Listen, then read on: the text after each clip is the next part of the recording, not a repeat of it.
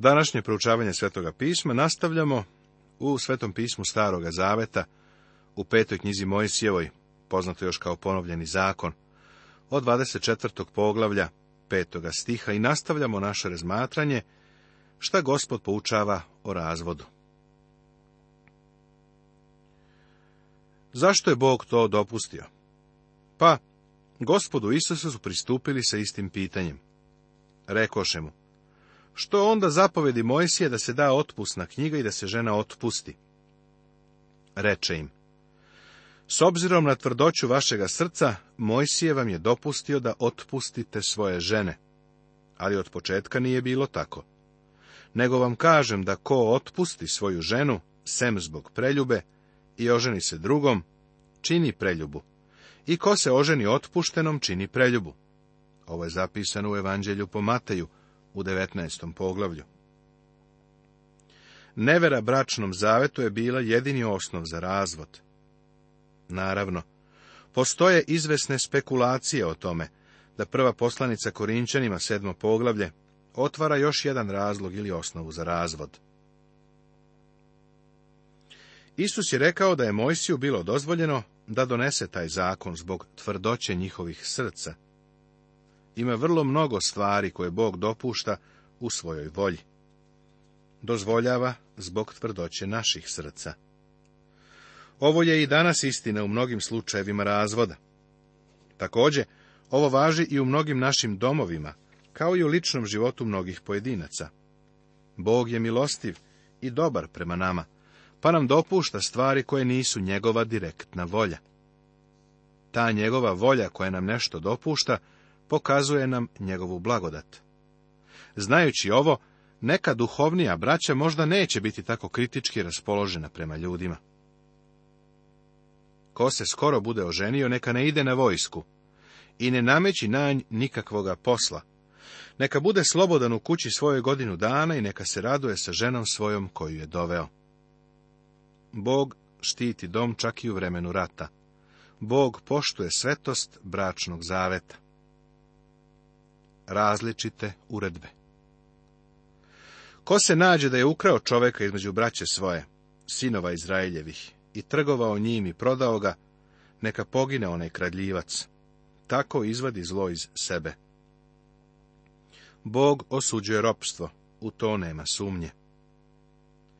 Kad treseš masline svoje, ne zagledaj granu po granu, pošto otreseš, neka došljaku, siroti i udovici. Kad bereš vinograd svoj, ne pabirči pošto obereš, ne šljaku, siroti i udovici.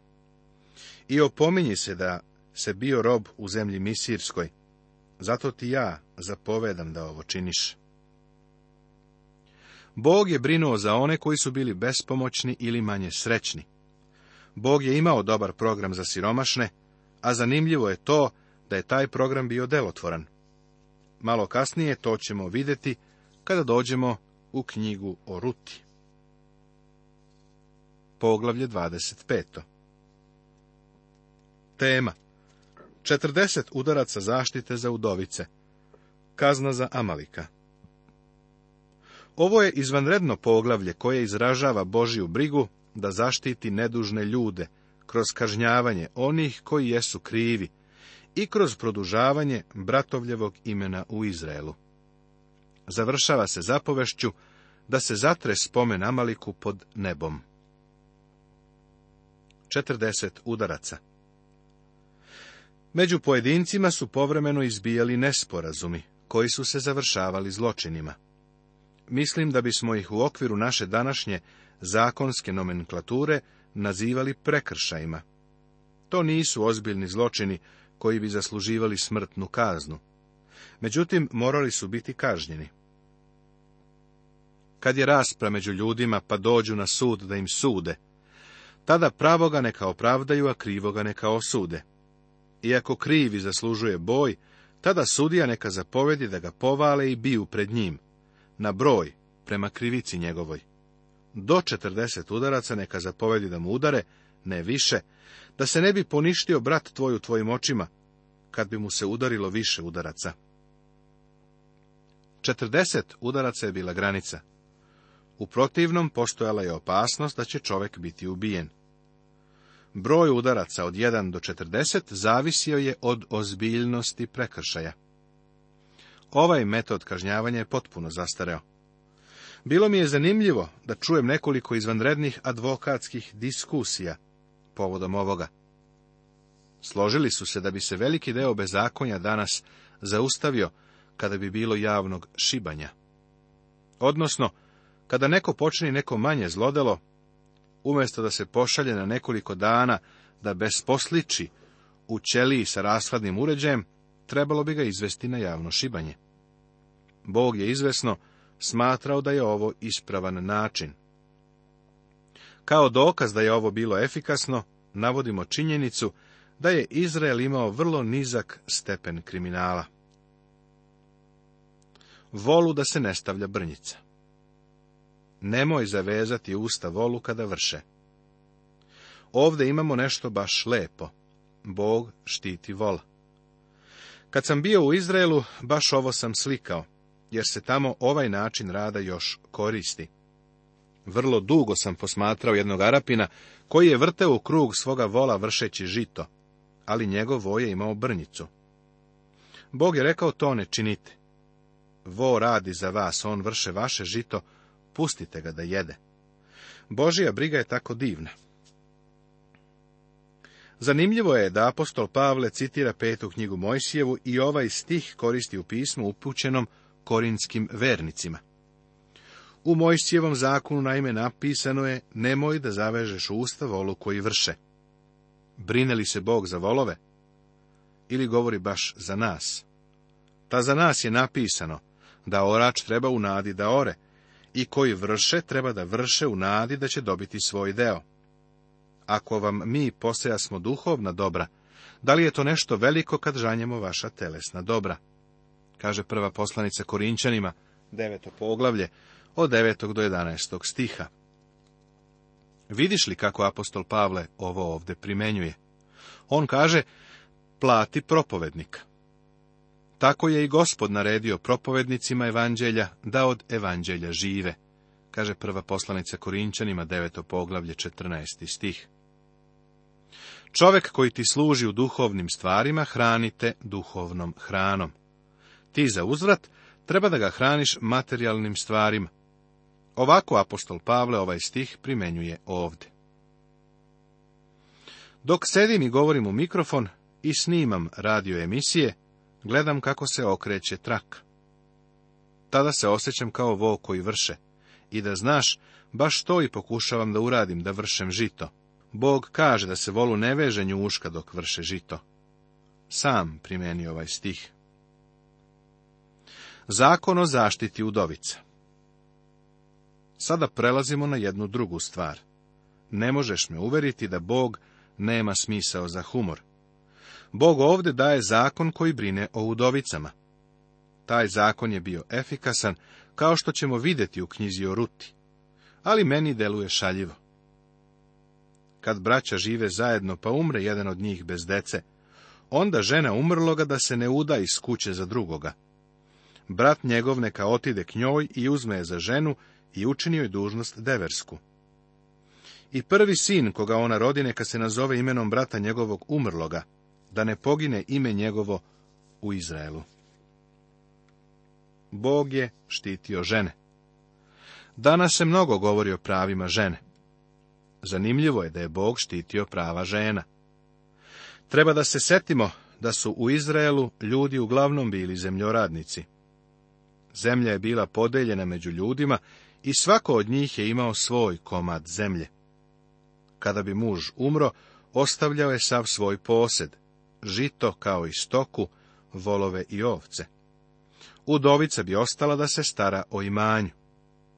Pretpostavimo da je neki čovek tuđin, stranac ili čovek iz drugog plemena, želeo da se oženi njom i tako dođe do zemlje. To je bilo zabranjeno. Njoj nije bilo dozvoljeno da se uda izvan svoga plemena. Ovde imamo slučaj kada udovica ide u prošnju.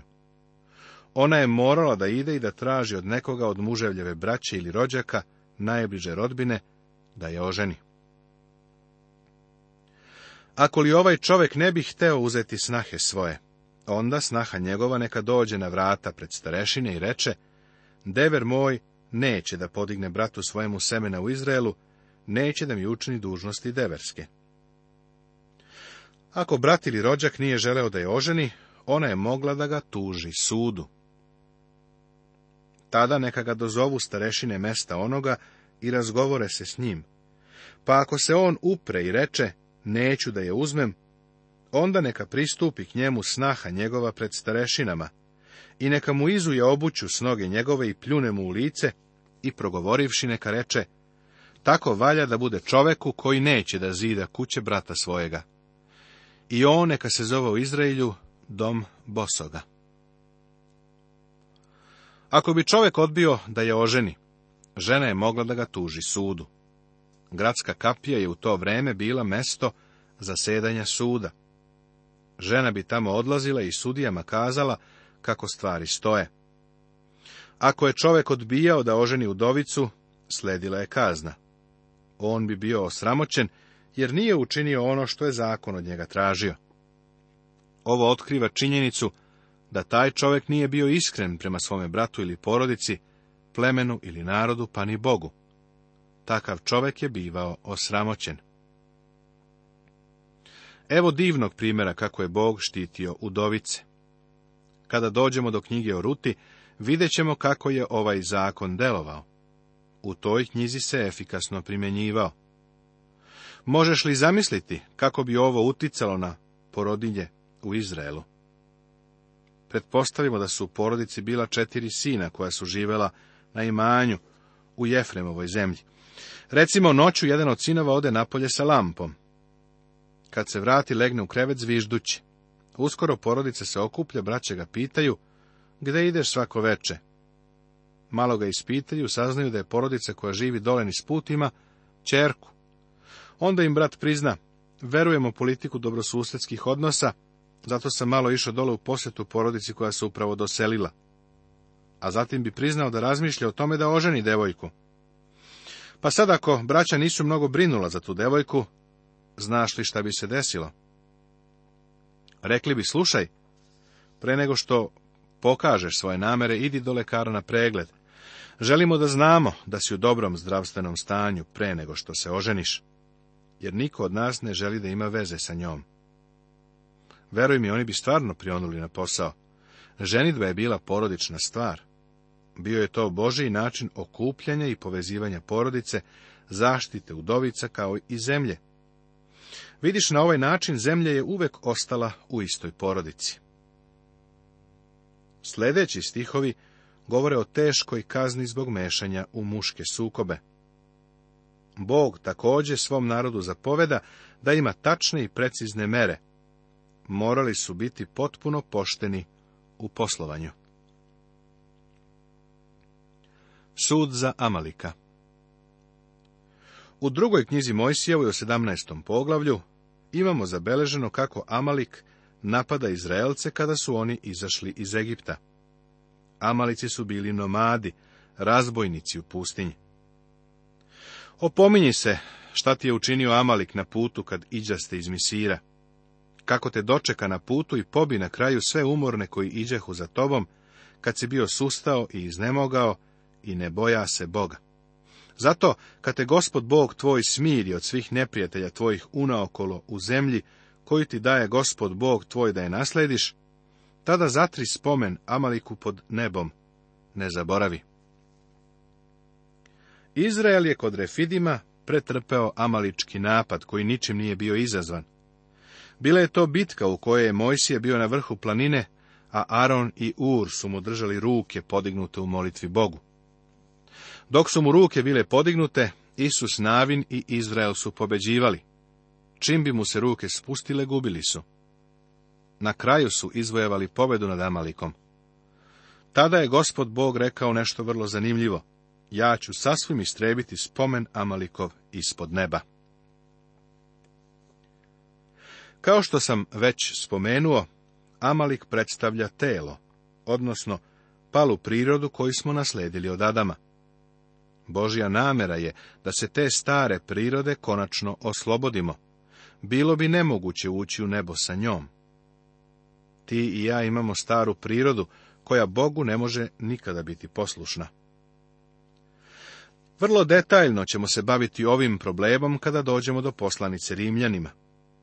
Amalik je slika tela. Sve dok smo u ovom životu, tela se nećemo osloboditi. Gospod će ratovati namalika od kolena do kolena, kaže druga knjiga Mojsijeva u 17. poglavlju. A u 23. poglavlju smo vidjeli da telo ne treba prezirati.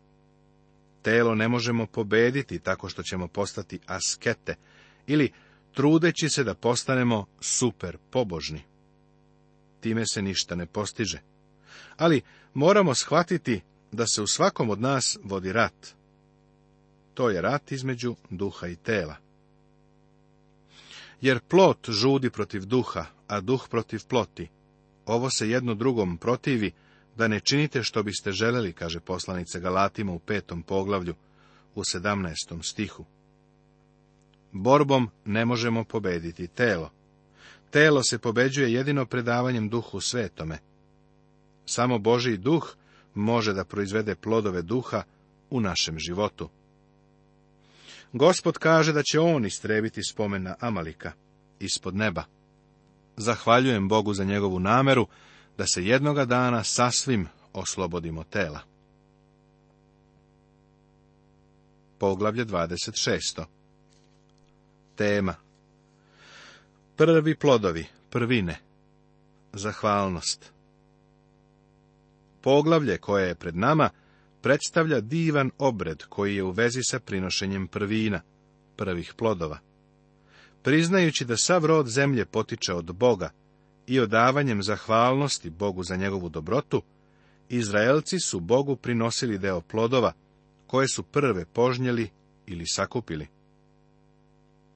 A kad uđeš u zemlju koju ti daje gospod Bog tvoju nasledstvo, i naslediš je i naseliš se u njoj, uzmi prvina od svakoga voća one zemlje, koje ćeš prinositi od zemlje svoje koju ti gospod Bog tvoj daje, i metnuvši u kotaricu, idi na mesto koje gospod Bog tvoj izbere, da onda nastani ime tvoje.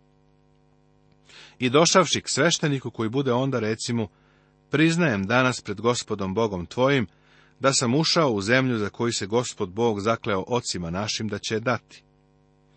A sveštenik neka uzme kotaricu iz tvoje ruke i metne je pred eltarom gospoda Boga tvojega.